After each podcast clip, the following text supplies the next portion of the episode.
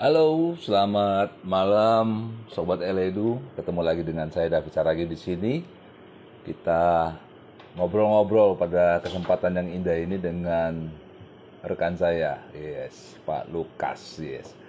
Beliau adalah seorang prinsipal, seorang trainer juga dan pada kesempatan malam hari ini ya, kita akan banyak nanti dapat hal-hal yang luar biasa nih dari beliau ya.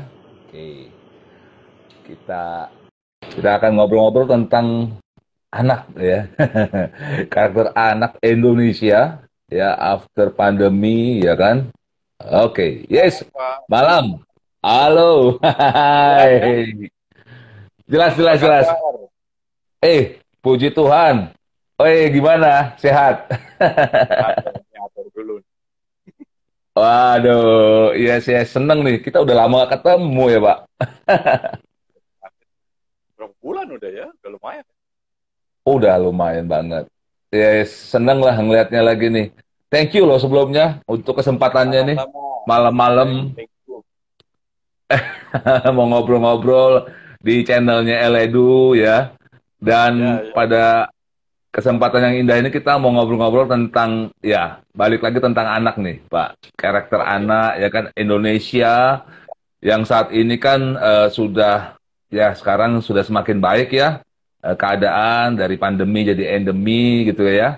Nah uh, Bapak sebagai seorang prinsipal gitu kan ya melihat langsung nih ya mereka waktu mereka di uh, belajar secara online gitu ya tapi juga saat ini kan udah balik lagi ke offline, nah gitu.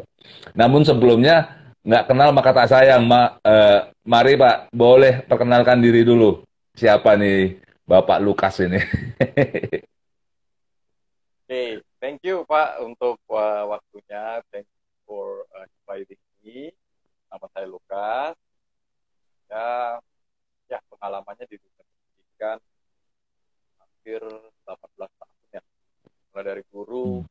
wakil, prinsipal, sekarang juga menjadi bagian dari head of education dan juga marketing.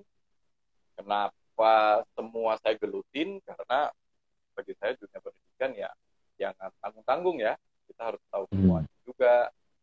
Dan selain itu juga saya juga menjadi trainer, motivator untuk khususnya dalam bidang parenting, komunikasi yang bagi saya saya melihat perlu ya perlu di tengah kesadaran orang tua sekarang yang kalau kita lihat mereka sudah mulai ada kesadaran untuk belajar bagaimana mendidik anak tapi mungkin ada beberapa yang masih belum tahu dan saya berpikir lewat pengalaman lewat semua sisi yang sudah saya geluti bisa saya sharingkan kepada orang tua atau siapa pun yang ingin juga sama belajar. Saya kira itu. Mantap, mantap, mantap. Ini paket lengkap nih ya malam hari ini. Jadi sobat Eledu yang eh, menyaksikan langsung maupun nanti yang lihat di rekaman juga jangan sampai kelewat. Ini benar-benar paket lengkap nih ya. Kita akan ngomong dari hulu ke hilir. Oke. Okay. Oh, iya. Tapi sebelumnya saya pengen, memang backgroundnya waktu kuliah memang itu ya Pak ya, ambil dunia pendidikan ya, atau gimana? Sebenarnya enggak, tapi somehow bisa dibilang passion atau calling yang sudah ditaruh Tuhan, saya percaya sih dari kelas 5 SD, dari kelas 5 SD ketika ditanya cita-citanya apa, yang lain mungkin dokter, tentara, hmm Kenapa tentara? Karena di saya uh, besarnya di Ambon uh, ya. Orang Ambon hmm.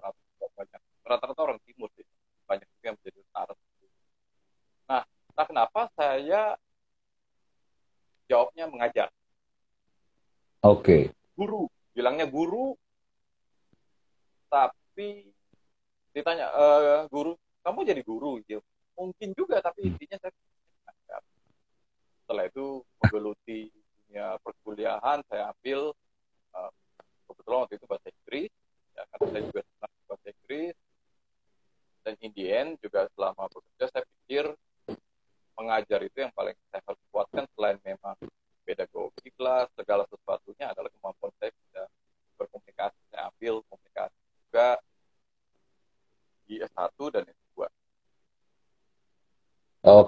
Mantap, mantap, mantap. Yes, ini kalau saya bukan karena calling kalau saya, karena dikutuk.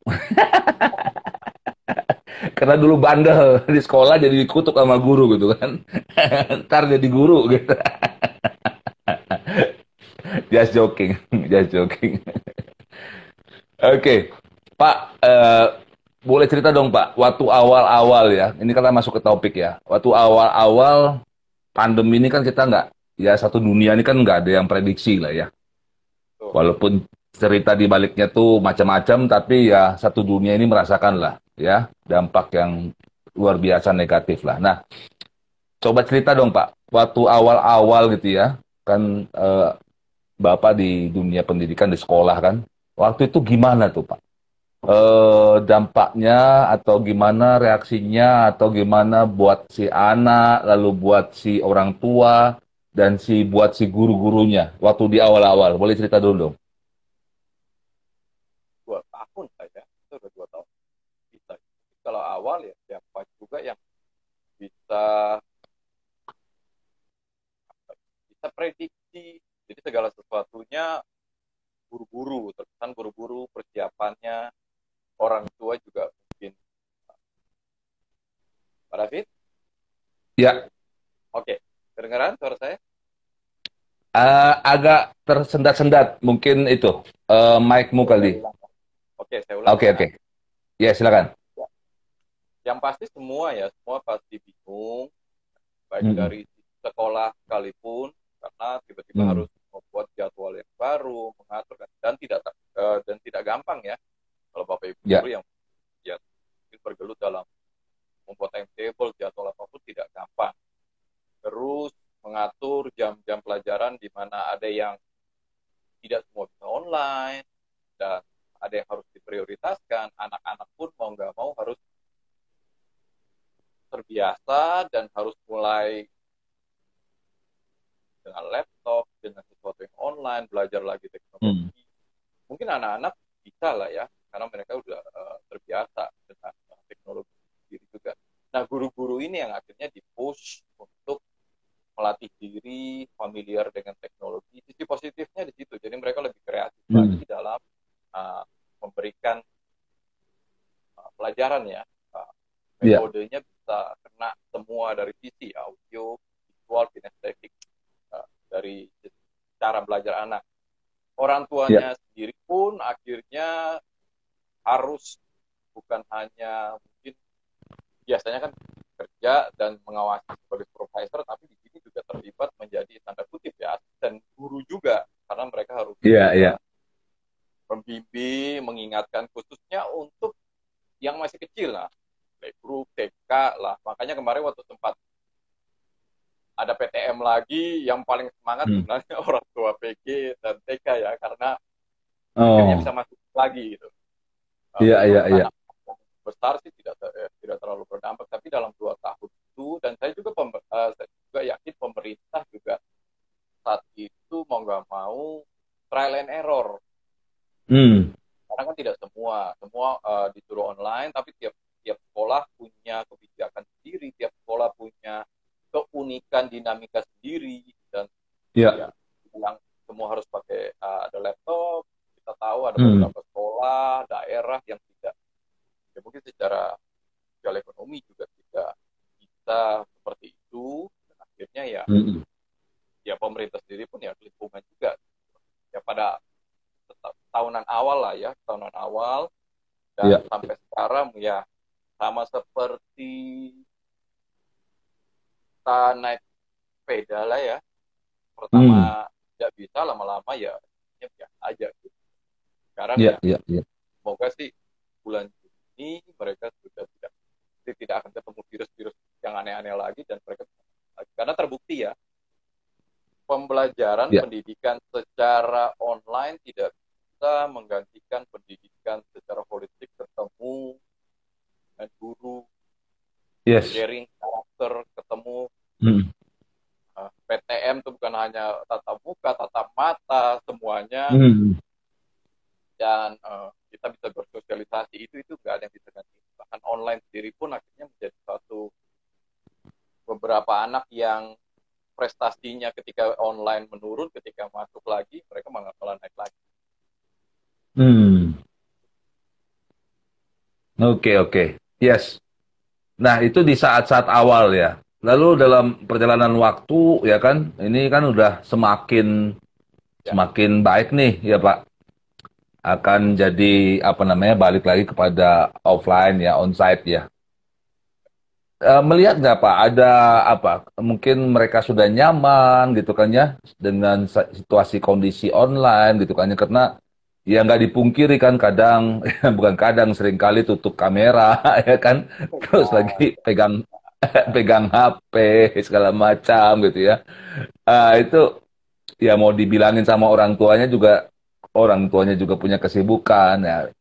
Ada nggak Pak yang maksudnya yang sudah nyaman dengan be begitu ya dengan online terus sekarang harus ke offline ya kan? Uh, terus gimana tuh supaya mereka bisa cepat beradaptasi lagi balik lagi ke dalam uh, situasi yang sebelumnya ya sebelum sebelum pandemi Gimana? Sebenarnya sih jika sudah nanti haruskan pemerintah lah ya. Mm.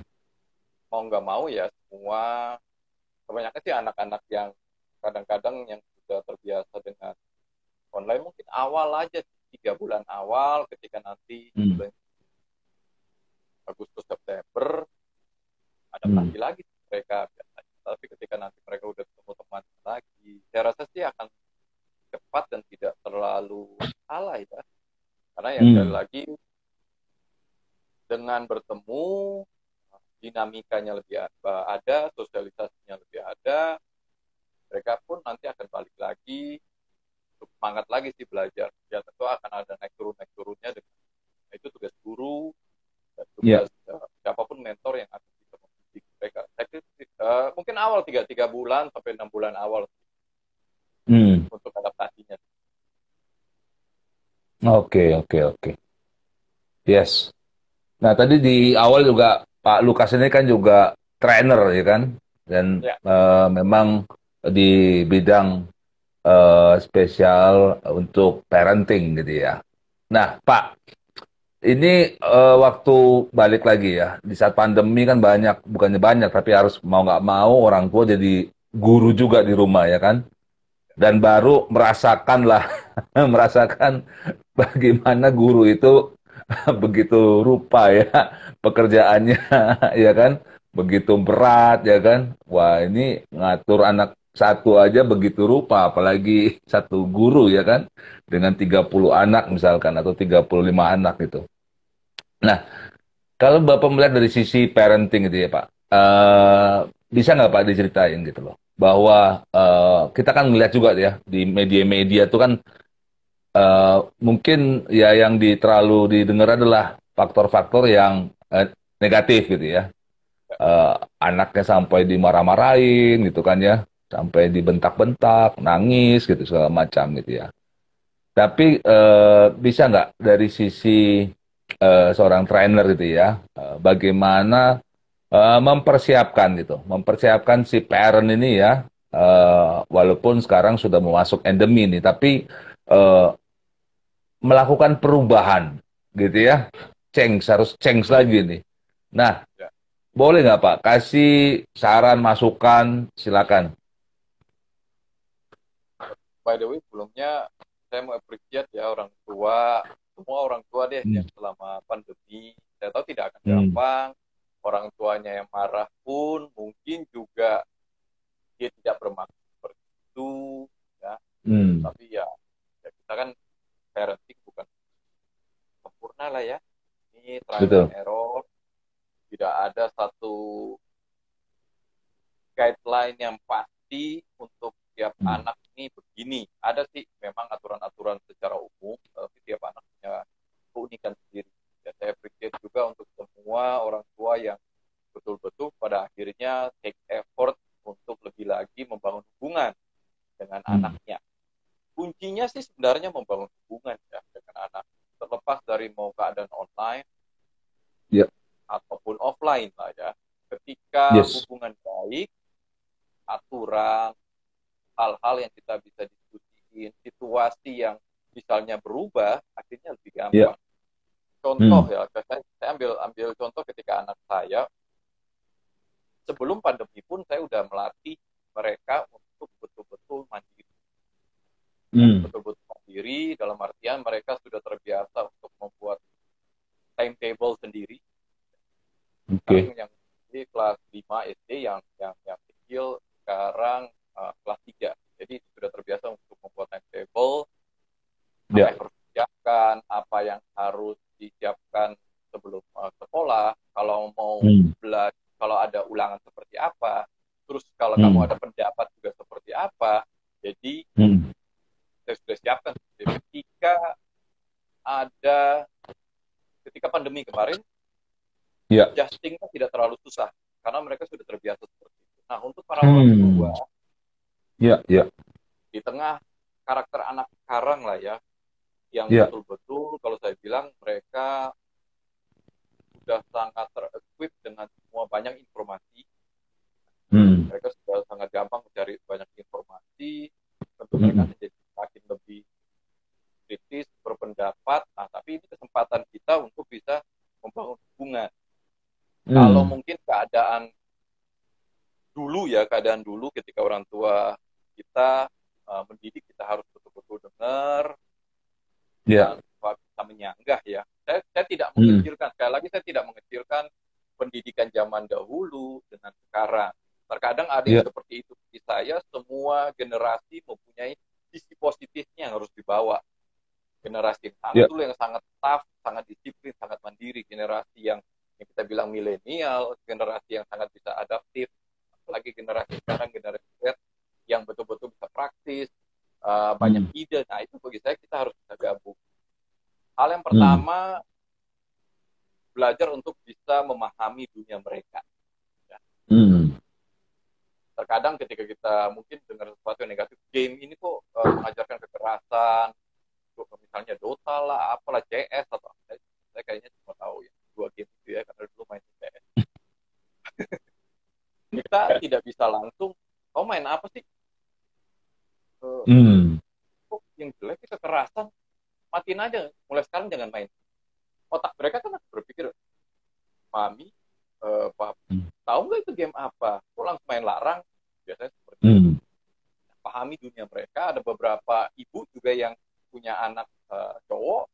Akhirnya juga hmm. mau memahami kalau anak cowoknya misalnya senang senang bola. Kadang-kadang yeah mereka juga stay up late nemenin anaknya nonton bola bersama begadang walaupun dia sendiri gak suka ya tapi sekali hmm. dia nemenin nah terus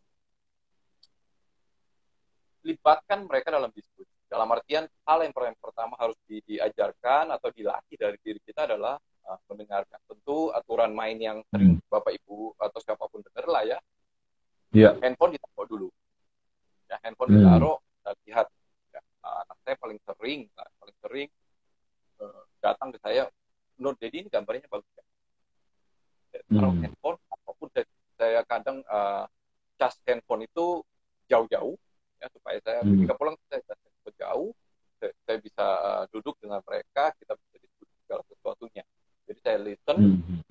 uh, dengan mata dengan raut wajah saya dengan gesture komunikasi nonverbal saya saya betul-betul fokus kepada dia dan hmm. sering kali juga saya minta pendapat dia. Ya, kadang-kadang okay. saya sengaja juga ya, saya sengaja misalnya ada masalah, jadi ada masalah di, kantor, menurut kamu gimana? Hmm. Terlepas dari apa pun ide yang bagi kita absurd, agak aneh, bagi saya sih hmm. uh, tidak terlalu peduli ya. Yang penting kita bangun komunikasi yang uh, dua arah. Mereka juga merasa dihargai, didengarkan, Nah, terkadang yeah, juga yeah. bisa dilatih ketika uh, misalnya mereka ada waktu ya, misalnya ada waktu untuk main. Mm. Mereka misalnya ada waktu mm. untuk main game. Iya. Yeah. Udah ada jadwalnya. Kita udah buat misalnya hari setiap hari Sabtu satu jam satu sampai satu jam setengah. Terkadang mereka mm. juga bisa datang ke saya diskusi. Kira-kira mm. bisa nggak kalau ini setiap hari libur kita bisa main satu jam atau hmm. apa. Nah ya kenapa kamu seperti itu? Akhirnya mereka berdiskusi saya libatkan mereka di situ. Akhirnya mereka merasa juga bisa bisa uh, dihargai lah ya dihargai.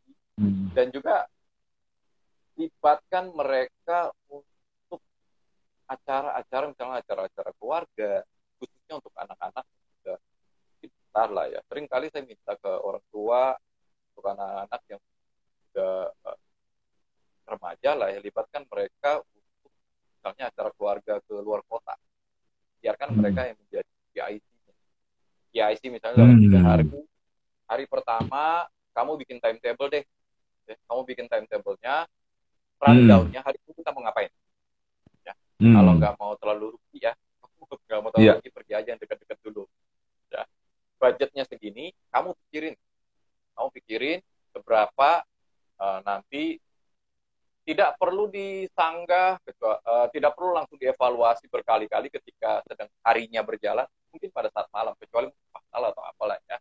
Nah itu bisa melatih yeah. mereka. Nah, hmm. Ke depannya juga nanti mereka lebih lebih uh, bisa mandiri. Ya. Ini yeah. mencegah, yang mencegah nanti mental mereka pun juga tidak terlalu lemah, ya.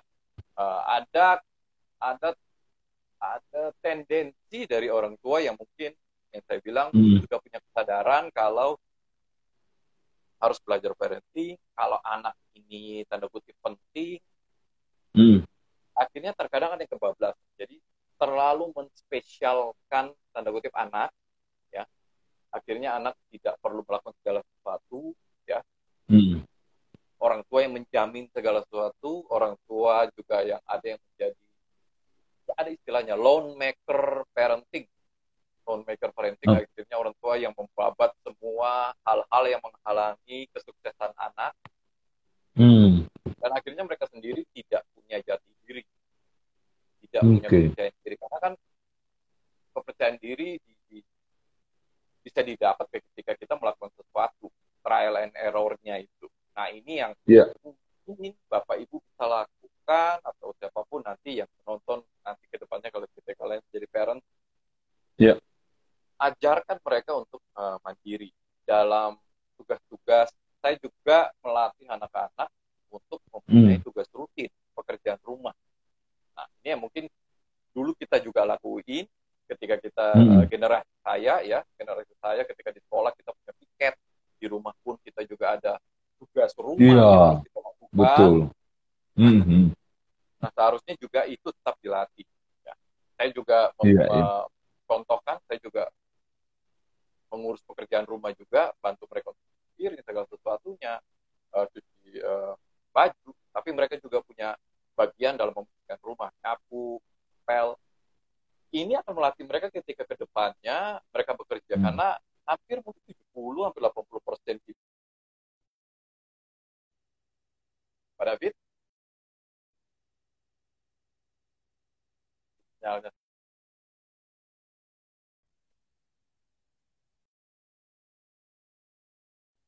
Yes, keren. Sorry. Yes. Oke. Okay. Oke. Okay. Nyambung ya? nyambung, nyambung, nyambung. Oke, okay, oke. Okay. Ya. Sampai tadi uh, yang tugas, soal rutin tadi, rutin. Ya. Tugas-tugas ini akan melatih mereka, hmm. mempersiapkan diri mereka ketika bekerja atau berusaha, karena hampir sebagian rutinitas atau 70% sampai 80% dari ke dalam kehidupan kita adalah rutinitas yang ya. mereka yeah. harus latih. Betul. Dan di tengah tugas-tugas ini pun mereka juga mengelola perasaan kan ada perasaan tidak suka, disiplin untuk mengerjakan tugas rutin itu kan mereka bosan. Ya, yeah. mereka akan juga komplain. Bagi saya hmm. no problem, mereka harus belajar untuk mengelola hal itu. Hmm. Dan ketika mereka bisa mengelola ataupun mereka ketika komplain dan merasa juga capek atau gimana dan mereka ingin menyampaikan ide untuk sesuatu ya silahkan tetapi tugas ini pun tetap hmm. harus di, dikerjakan tapi in the end walaupun nanti hasilnya tidak terlalu sempurna ya yeah. e, nyapu pun kadang yang mereka sapu ya yang mereka lihat aja tidak e, yeah.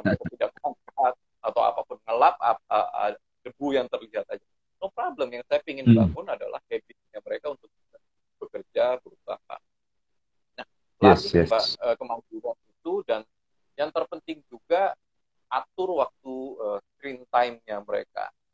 Penting hmm. belajar teknologi, penting mengenai sosial media, mengenal, tapi atur screen time mereka, dalam artian atur penggunaan HP, supaya mereka juga mempunyai, ini salah satu yang bilang lah ya, mungkin hmm. pelan-pelan bisa tidak terlalu terlatih adalah social skill mereka. Kemampuan okay. mereka untuk meminta sesuatu secara komunikasi langsung tatap muka meminta nego hmm.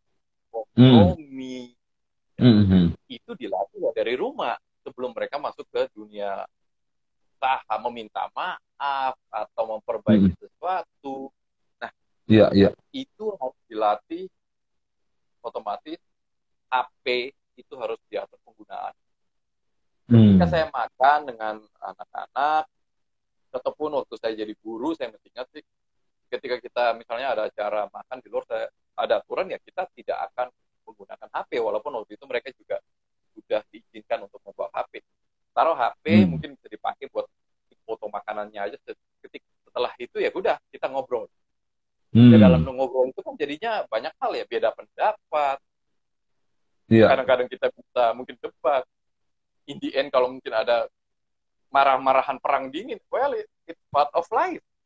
Ya, it's part yeah, of yeah, life yeah. yang harus, harus latih ya. Hmm. Dan in the end ketika nanti mereka membangun hubungan, mereka sudah terlatih. Setidaknya hmm. dari dari dari rumah kita udah lagi. Mereka bisa membangun hubungan untuk menjadi seorang sahabat ataupun nanti in the end mereka uh, dalam dunia pernikahan lah ya. Jadi yeah, yeah. tidak akan segampang itu misalnya yang mengatakan kata cerai. Hmm.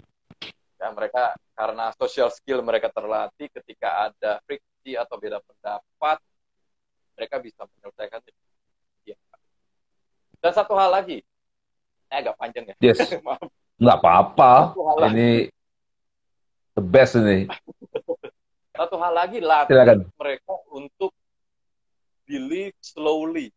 Dalam artian gini, ketika hmm. mendapatkan terpaan informasi dari sosial media apa pun lah ya itu kan mereka dibombardir lah ya contoh sukses muda itu kan sering dimunculin sukses yeah. muda terus menerus sekolah itu tidak penting terus menerus mm -hmm. uh, pola sebenarnya mereka juga tidak uh, terkadang kita juga tidak melihat kalau berapa banyak juga yang mencoba untuk berusaha di muda uh, saat muda hmm. banyak juga yang gagal ya. banyak juga kesuksesan yang kalau ya kalau kita tahu ya orang-orang yang terkaya itu ya justru ketika mereka sudah betul-betul umur matang ya hmm. sekolah tidak penting tidak terlalu penting uh, memang tidak menjamin tapi bukan berarti sekolah juga tidak bisa menjamin kesuksesan banyak juga kejadian yang tidak diceritakan ketika orang mendapatkan kesempatan bersekolah dan tidak memanfaatkan, akhirnya malah hmm. juga in the end mereka juga menyesal gitu. Banyak juga dari hmm. teman-teman saya juga coba tes sekolah lebih benar, setidaknya hmm. kehidupan kita tidak bicara mengenai kaya raya atau apa pun, setidaknya kehidupan saya lebih baik.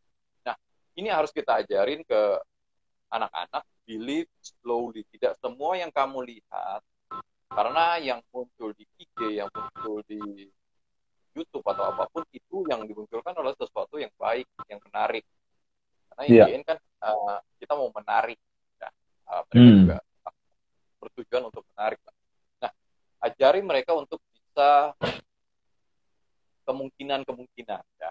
Mungkin dia begini, hmm. ya belum tentu loh, ya coba cek dulu beritanya ini ini benar apa enggak jangan langsung hmm. percaya karena kalau, kalau ketika kita langsung percaya mereka in end dengan kemampuan mungkin komunikasi yang sekarang tidak terlalu baik dengan sifat yang mungkin akhirnya individu ya karena berkutat hmm. dengan hubungan online mereka yeah. frustasi dan uh, pada akhirnya ya hal-hal yang kita tidak kan bisa terjadi ya frustasi, stres, depresi. Makanya sekarang kan lebih banyak muncul ya istilah galau, mental iya. health yeah. lah, ya. Healing. Ya. Bisa. Saya, sekali lagi saya tidak membandingkan uh, dulu dalam artian ya saya membandingkan yeah, yeah, dalam yeah. artian dulu. Mm. Dulu mungkin ketika kita dididik orang tua saya mendidik saya tidak mau tahu sekolah kamu seperti apa, yang penting kamu naik kelas. Caranya seperti apa mm. coba pikirin. Nah, itu sebenarnya melatih kita menjadi kreatif, mengelola perasaan, membuat mental kita lebih kuat Hmm. Tetapi efek negatifnya tentu ada orang-orang yang memang pada akhirnya juga tertekan, under pressure. Nah, kita bisa combine dengan hal yang sekarang sedang tren ya, mental uh, mental health. Ya, tentu kita harus ajarkan hmm. ketika kamu ada masalah, kamu juga bisa belajar untuk membicarakannya. Problemnya membicarakannya, tapi kemampuan komunikasi kita juga tidak baik, tidak bisa hmm. mengungkapkan dan cuma bisa lewat mungkin secara chatting sosial media ini juga bisa menghambat karena uh, keseluruhan perasaan pikiran kita tidak bisa terungkapkan dengan sempurna lah. Yes. Saya kira itu hal-hal yang bagi saya dimulai dari rumah, dimulai dari rumah nanti bekerja sama dengan sekolah. Ingat sekolah cuma bagi saya partner lah ya, karena yeah. yang tadi pada bilang yang mereka lihat bukan satu orang, banyak. Mm -hmm. Belum ditambah tugas-tugas dari mereka sendiri. Mm -hmm. Dan ditambah juga mungkin permasalahan hidup mereka juga. Betul, betul, betul. Yes. Itu kan benar kan benar-benar lengkap nih. Baru pembukaan dah demikian rupa. Jadi Sobat Eledu di mana aja berada ya kan, yang nonton langsung maupun yang nanti direkam ya kan. Wah ini harus dilihat dari awal nih ya. Ini dipaparin sama Pak Lukas ya kan. Beliau seorang prinsipal ya kan, juga trainer untuk uh, parenting ya kan. Jadi cocok banget ya. Kita lagi ngebahas tentang karakter anak Indonesia zaman now. Oke. Okay. ya, Memang uh, ada uh, korelasinya ya dengan Eledu sendiri. Bagaimana kami juga berawal itu berangkat dari uh, apa namanya uh, pandemi ini ya Pak ya. Bagaimana dampak daripada pandemi yang kami soroti itu kepada orang tua, terutama kepada bapak ya, ayah gitu ya, yang terkena dampak mungkin ada pengurangan gaji atau di PHK gitu kan ya, sehingga Eh, sangat-sangat uh, berpengaruh kepada uh, apa namanya uh, dia punya emosi ya kan? Juga mempengaruhi daripada karakternya dia. Dan pasti sebagai uh, apa namanya lokomotif ya dari sebuah rumah tangga ya kan itu pasti kena dampak ya anak istri gitu ya yang terkena dampaknya jadi kami berangkat dari situ, Eredu ya kan. Jadi memang betul ya yang disampaikan sama Pak Lukas. Jadi karakter itu runtutannya kalau yang kami uh, percayai ya dari awalnya itu dari paling kepada uh, utama uh, apa perubahan mindset ya, perubahan mindset, uh, lalu uh, pikiran, lalu jadi tindakan, tindakan jadi kebiasaan, tadi habit tadi itu ya habit, habit-habit jadi karakter, gitu ya. Nah, itu akhirnya yang bagaimana terdorong Eledu membuat uh, startup ini, ya kan, yang kita berharap lah, ya, bisa bisa menjadi oasis lah di padang gurun ya. Jadi bisa melihat eh, hal-hal uh, yang mem, apa ya, yang mewarnai lah ya, mencerahkan pikiran daripada bapak-bapak khususnya. Kaum ayah ayah-ayah ini. Sehingga apa keluarganya bisa apa jadi ini lagi. Kembali harmonis lah tidaknya kurang lebih kayak gitu. Tapi uh, ya uh, tidak menutup kemungkinan di di saat ini juga uh, dari sekolah-sekolah ya kan juga menghubungi kami juga itu ya dari Eledu dan melihat daripada uh, apa namanya karakter sekolahnya ya kan? Dan ya kita bersyukurlah di bidang edukasi ini bisa jadi uh, bisa jadi berkat ya. Dan saluran berkat gitu. Oke Pak ah, balik nih. Tadi juga saya tertarik tuh ya dengan yang soal yang namanya kebiasaan. Ya benar ya. Kebiasaan dulu dulu zamannya saya juga ada tuh. Zamannya saya tuh piket ya. Piket oh. ya kan jadi ya. harus datang lebih pagi, ya kan? Terus udah udah dibagi tuh yang uh, yang nyapu yang mana gitu kan, yang uh, lap-lap meja, yang bersih-bersih sarang laba-laba ya kan. Pokoknya udah dibagi lah pokoknya, ya kan.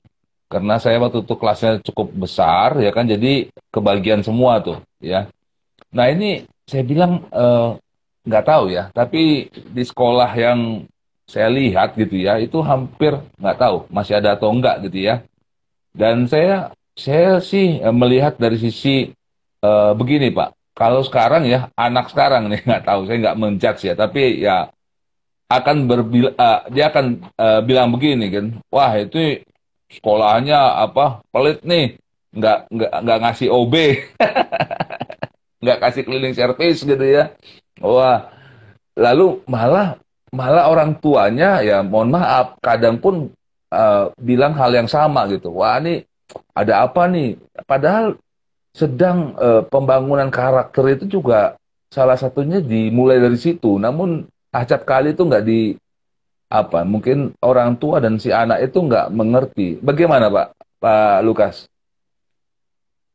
Sebenarnya untuk tiket sendiri atau kebiasaan-kebiasaan baik itu di beberapa sekolah yang saya lihat masih lah ya masih tapi hmm. mungkin tidak seperti kita dulu yang sampai betul-betul nyapu pagi-pagi sekali datang betul iya iya iya itu, itu kalau tidak dilakukan ada konsekuensi lah betul tapi mereka masih ada uh, organisasi kelas itu masih ada mereka juga masih merapikan misalnya tempat duduk uh, meja mm-hmm. merapikan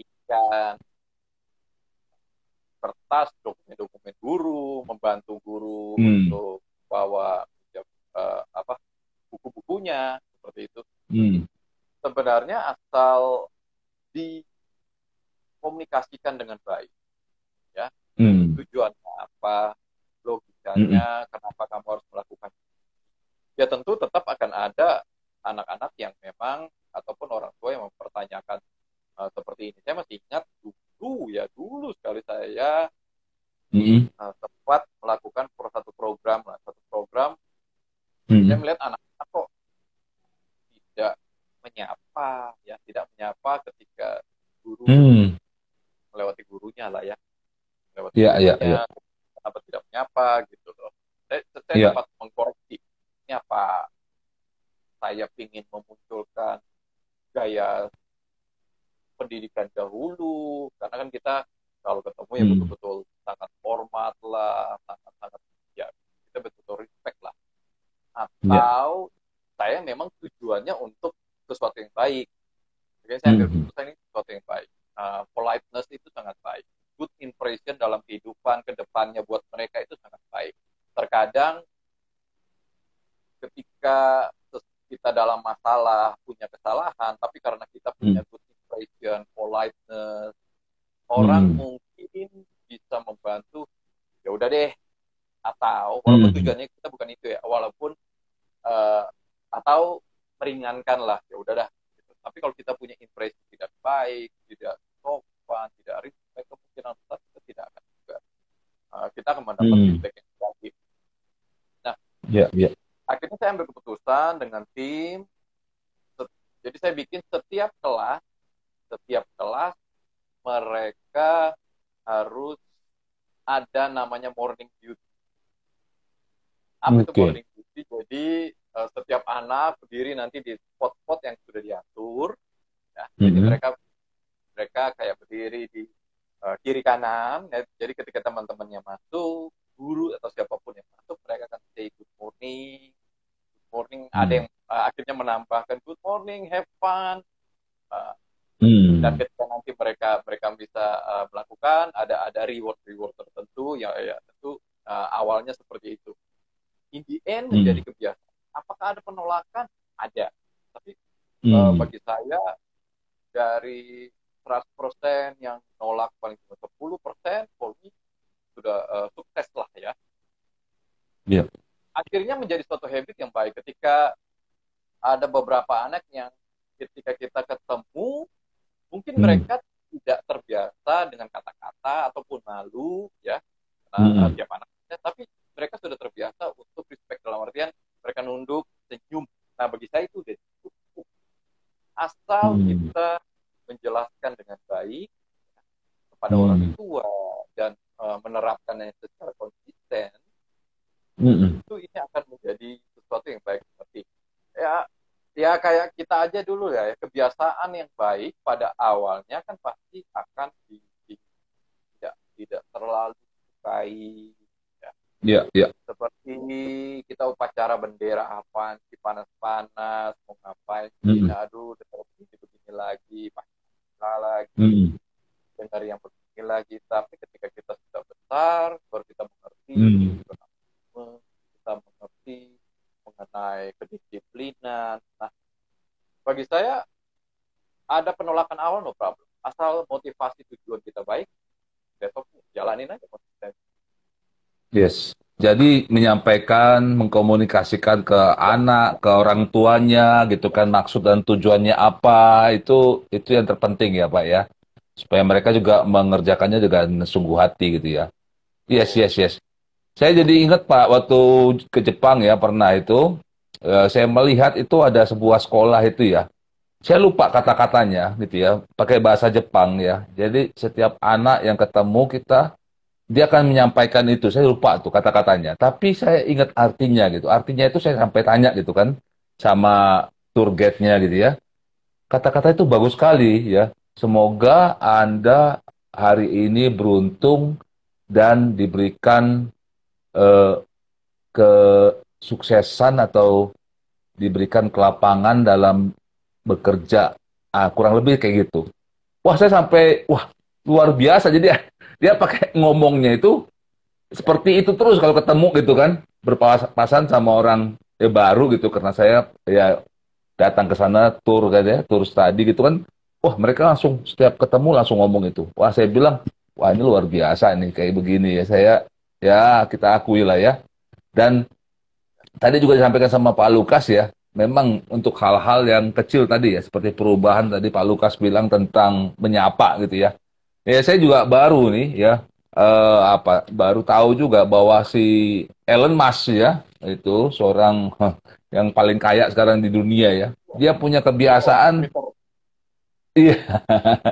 ditanya dia itu ditanya sama seorang wartawan kan, apa yang membuat kamu sukses? Dia bilang pertama itu adalah mandi.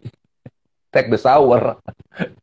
Jadi every day dia take the shower gitu kan. Every morning dia take the shower gitu mungkin kedengarannya lucu, tapi ketika dia menyampaikan, ya kan, memberikan maksud dan tujuannya, bahwa ketika pagi mungkin satu malam itu sudah penat, ya kan, sudah tidur, udah uh, dan di saat dia tuh shower dan dia tuh merasakan itu banyak uh, yang keluar gitu ya, energi energi yang yang kurang baik lah ya dia bilang seperti itu itu keluar dari tubuhnya dan digantikan dengan energi yang baik gitu. Lalu ada seorang juga, uh, seorang jenderal, saya lupa namanya, itu seorang angkatan laut dari Amerika juga.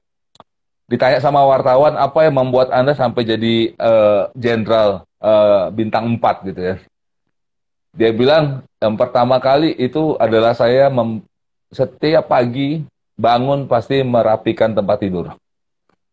Jadi itu yang membuat dia bisa karirnya bisa hebat ya kan dan dia uh, menjelaskan bahwa kita ketika setia kepada hal-hal yang kecil gitu kan ya, itu akan menjadi sebuah ya uh, bentuk pembentukan karakter kita di masa yang akan datang gitu. Jadi ya yes, setuju banget dengan tadi yang disampaikan Pak Lukas tadi ya.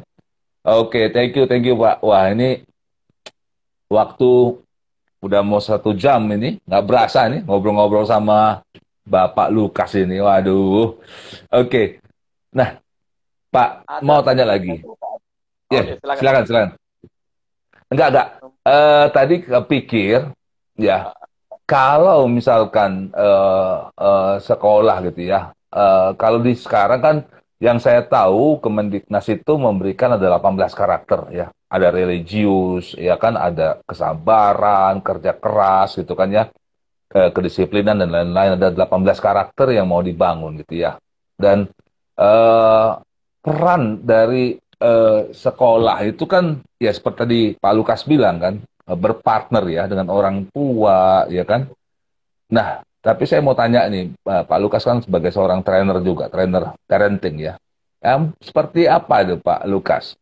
Sehingga uh, ya bisa bisa berdampak yang luar biasa ya perubahan uh, maksudnya di sekolah pun dia bisa uh, mendapatkan uh, tadi pembentukan karakter yang tepat ya kan di rumah pun nah sebagai parent itu mesti seperti apa tuh Pak? Oke pembentukan karakter sekali lagi yang tadi Bapak hmm. udah bilang dengan banyak contoh jangan pernah meremehkan yang hal-hal kecil yang kita buat sebagai habit ya ada hmm. uh, it, jangan uh, hilangkan lah kalau bisa hilangkan kata it just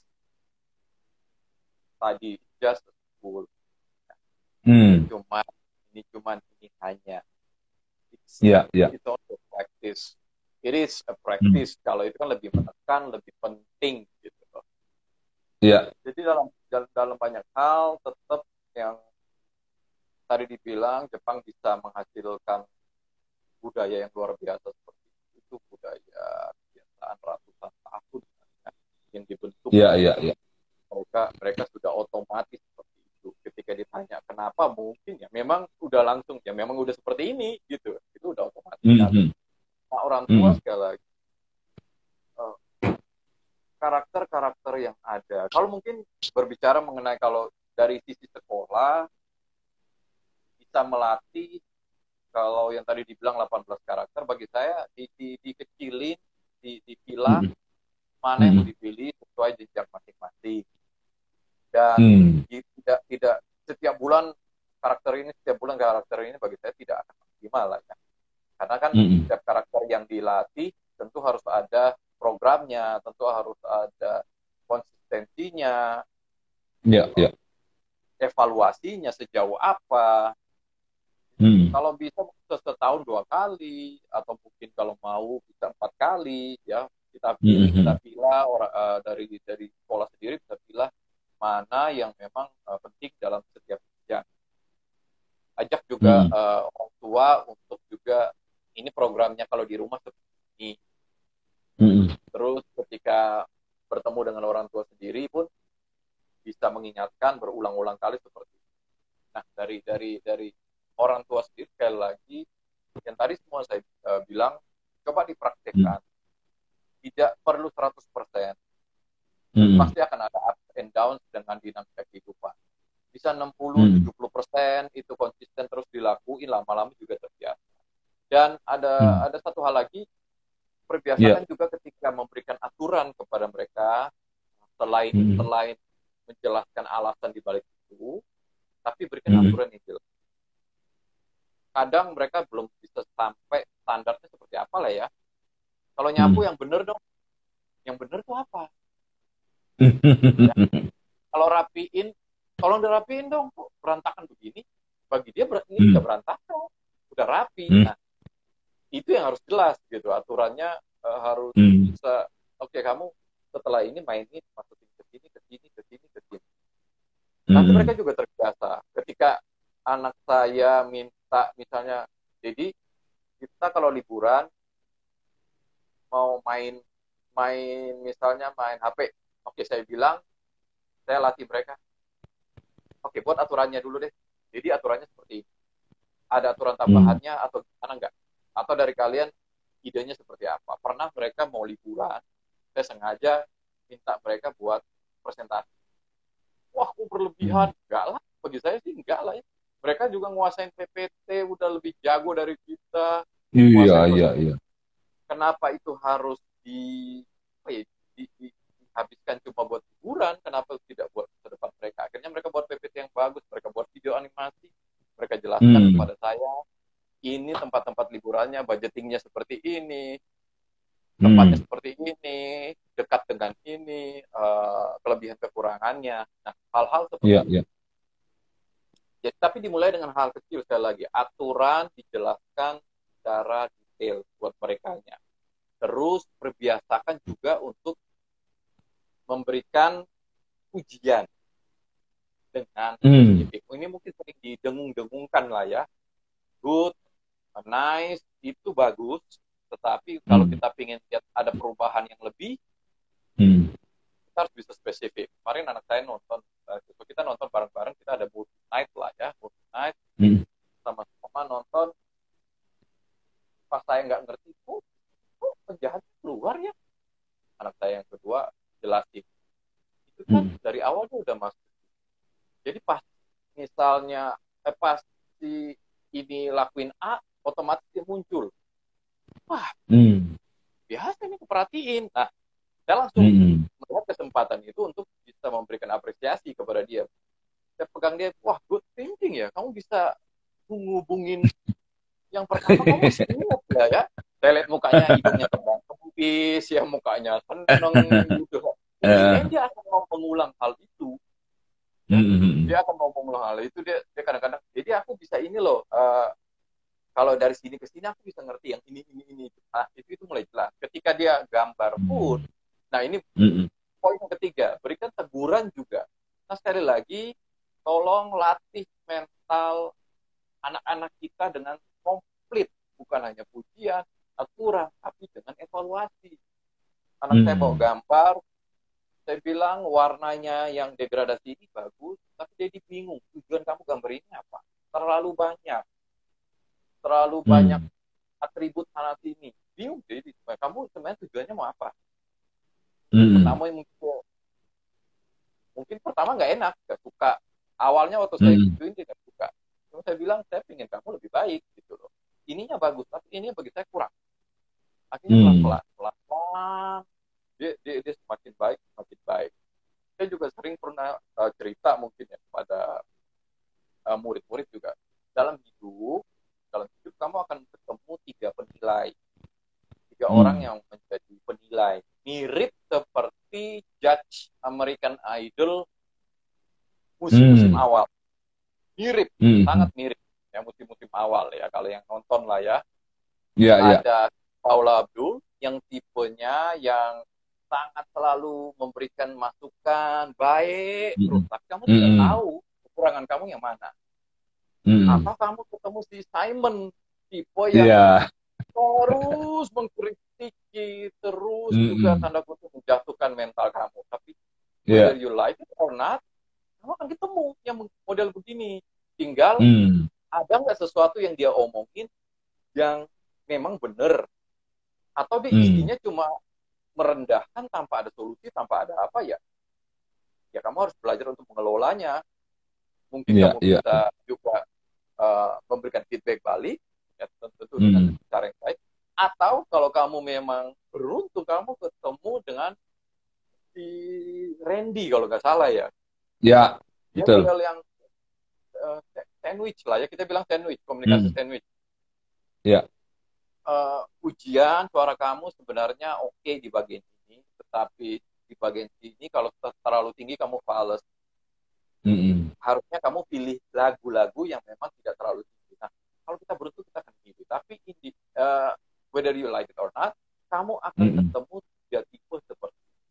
kita bisa Yes. latih dari rumah berikan Hmm. semuanya kalau anak anak saya sekarang yang gede yang paling besar ini eh, ada hobi masak lah ya kalau ke adik Hmm. dia akan ngomong Hmm.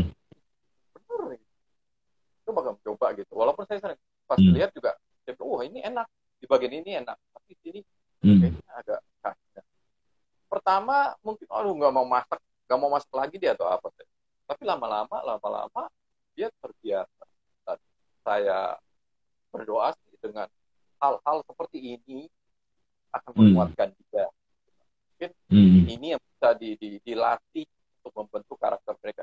Sekali lagi jangan bicarakan hal-hal yang terlalu besar dulu, hal-hal yang Hmm. kecil yang kita lakukan terus menerus sama seperti Iya, iya, iya, iya. Iya, ya. sama seperti mandi kalau nggak dilakuin Hmm. tiap hari it's- kalau kita cuma bilang it's only what do you call uh, brushing teeth kalau Hmm, kamu bilang cuma only dan kamu asal-asalan in the end gigi kamu sakit bolong bakteri bisa masuk Hmm. bisa fatal ke mana-mana gitu loh jadi hal-hal kecil itu tolong di, di- dilatih ke mereka akan ada kalau dari sisi parenting atau dari sisi sekolah penolakan-penolakan itu wajar saja. Tinggal kita belajar untuk mengkomunikasikan seperti itu. Itu sih, yes. Pak David. Lengkap, mantap. Ini harus berseri ini sepertinya nih. iya, benar Pak. Ya, apalagi sekarang di Ana juga saya juga punya anak yang juga udah masuk ke usia remaja ya. Udah 13 tahun ya, udah mau 14 tahun ya kan. Kembaran ya kita ya. Kembarnya, dan dan Bapak. Kembaran saya ya. Fotokopi. ya di mana apa namanya uh, kalau uh, kalau ngomong ya dia tuh harus kita tuh harus konsen harus eye contact ya kan? Nggak boleh kita sambil main HP pasti HP kita diambil lah pokoknya gitu ya. Nah itu kan kalau uh, kita nggak bisa apa mencermati itu gitu kan ya. Kalau kita malah uh, mungkin kita malah marah ya kan? Akhirnya dia juga pasti akan uh, apa namanya uh, tertolak lah gitu ya. Wah dan akhirnya jadi dia akan punya dunia sendiri ya. Dan ujung-ujungnya kita bilang kamu kenapa? gitu kan. Padahal kita lah yang penyebabnya. Iya pak ya? Iya iya iya iya. Nah ini apalagi di saat saat pandemi kemarin itu kan sebenarnya ini kita ambil positifnya adalah kita banyak ketemu sama orang rumah ya pak ya kita bersyukur yang kita patut syukuri ya kan kita bisa melihat anak kita ya setiap hari istri kita gitu ya. Namun saya sedih pak. Sedihnya dalam arti juga saya melihat data gitu ya ada aduh hal-hal yang malah menyesakkan gitu ya. Seperti tingkat penceraian semakin tinggi gitu kan ya.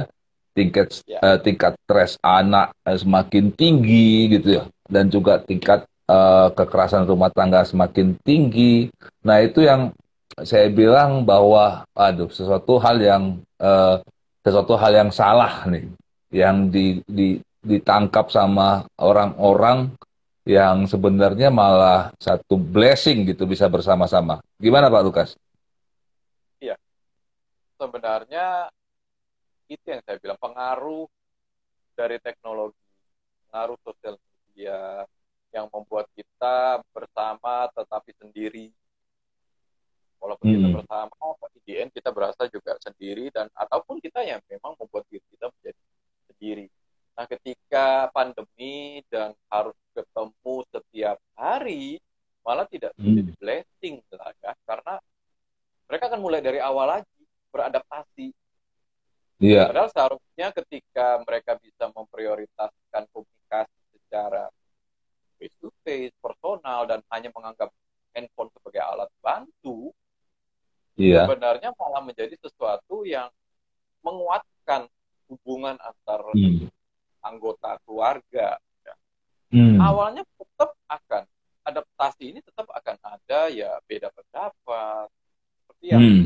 uh, saya pernah ya dengar lah ya ketika orang marah sama kamu ketika orang beda pendapat sama kamu itu sebenarnya kesempatan atau kamu mendapat juga suatu kejujuran lah ya. Kamu tahu isi hati hmm. mereka, kamu tahu hmm. pemikirannya dia. Nah itu sebenarnya awal yang yang baik lah ya untuk bisa nanti hmm. mengevaluasi komunikasi uh, seperti apa.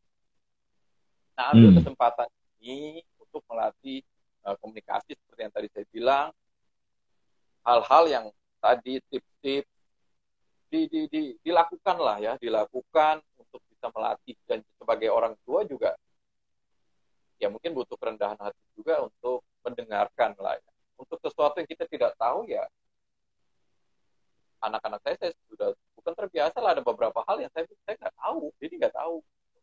Hmm. Karena banyak pertanyaan kan, banyak pertanyaan. Terkadang juga ketika saya misalnya sibuk dan mereka banyak hmm. bertanya juga, dan memang saya butuh menjawab di HP saya bilang saya jawab ini dulu nanti saya ke kamu pasti hmm. saya jawab selesai saya saya, uh, saya ke ke dianya gitu.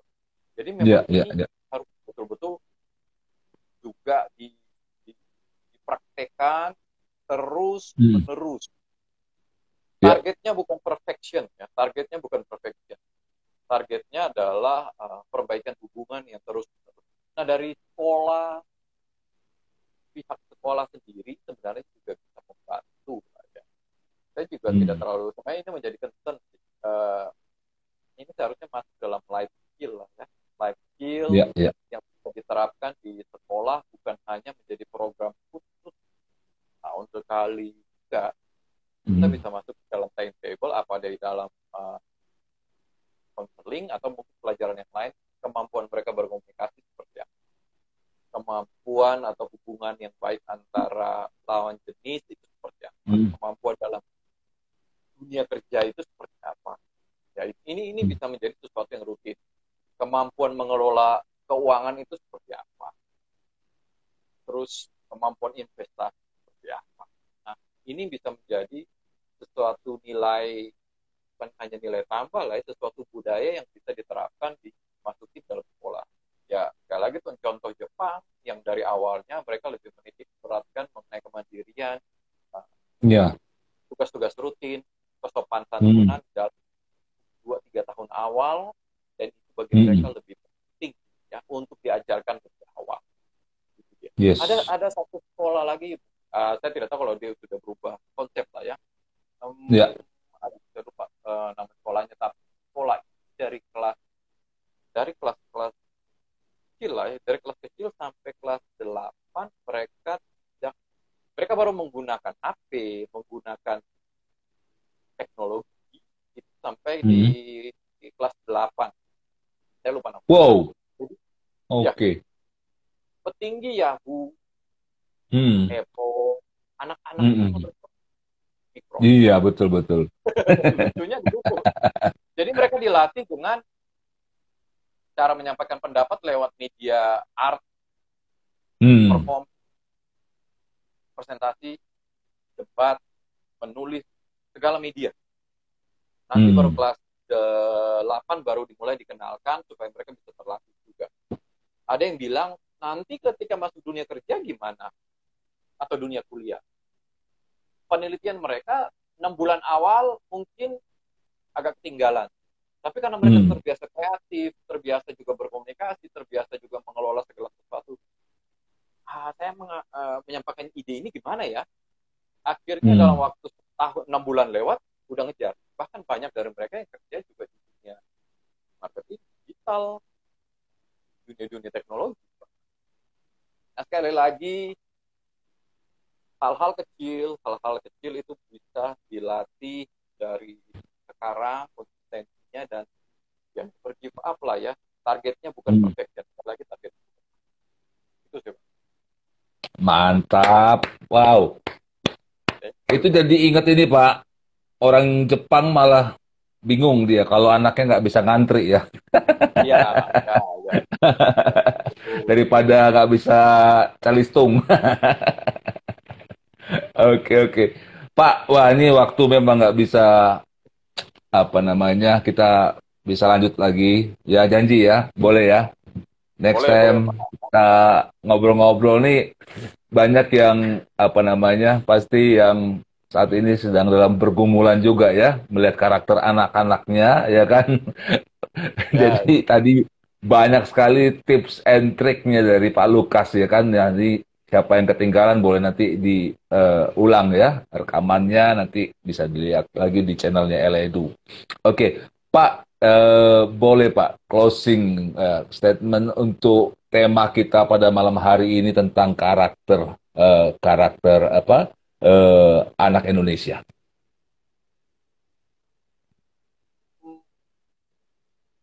Saya cuma mau uh, bilang ya, uh, ya never give up tiap anak ya tiap anak itu punya keunikan masing-masing mereka itu pribadi yang kita harus kita harus bentuk secara keseluruhan. In the end kan pertanyaannya ketika kita sudah tidak ada apakah mereka bisa survive dan excel dalam kehidupan mereka? Jangan pernah menyerah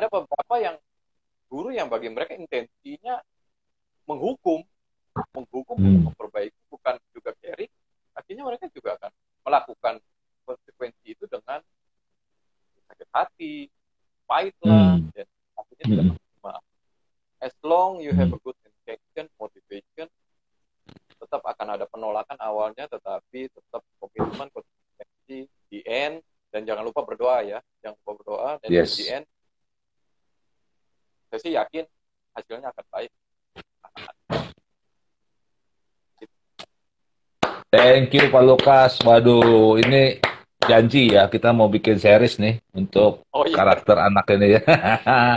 ini satu jam nggak uh, berasa dan begitu banyak yang kita dapatkan. Thank you Pak. Saya mewakili Eledu mengucapkan terima kasih. ya.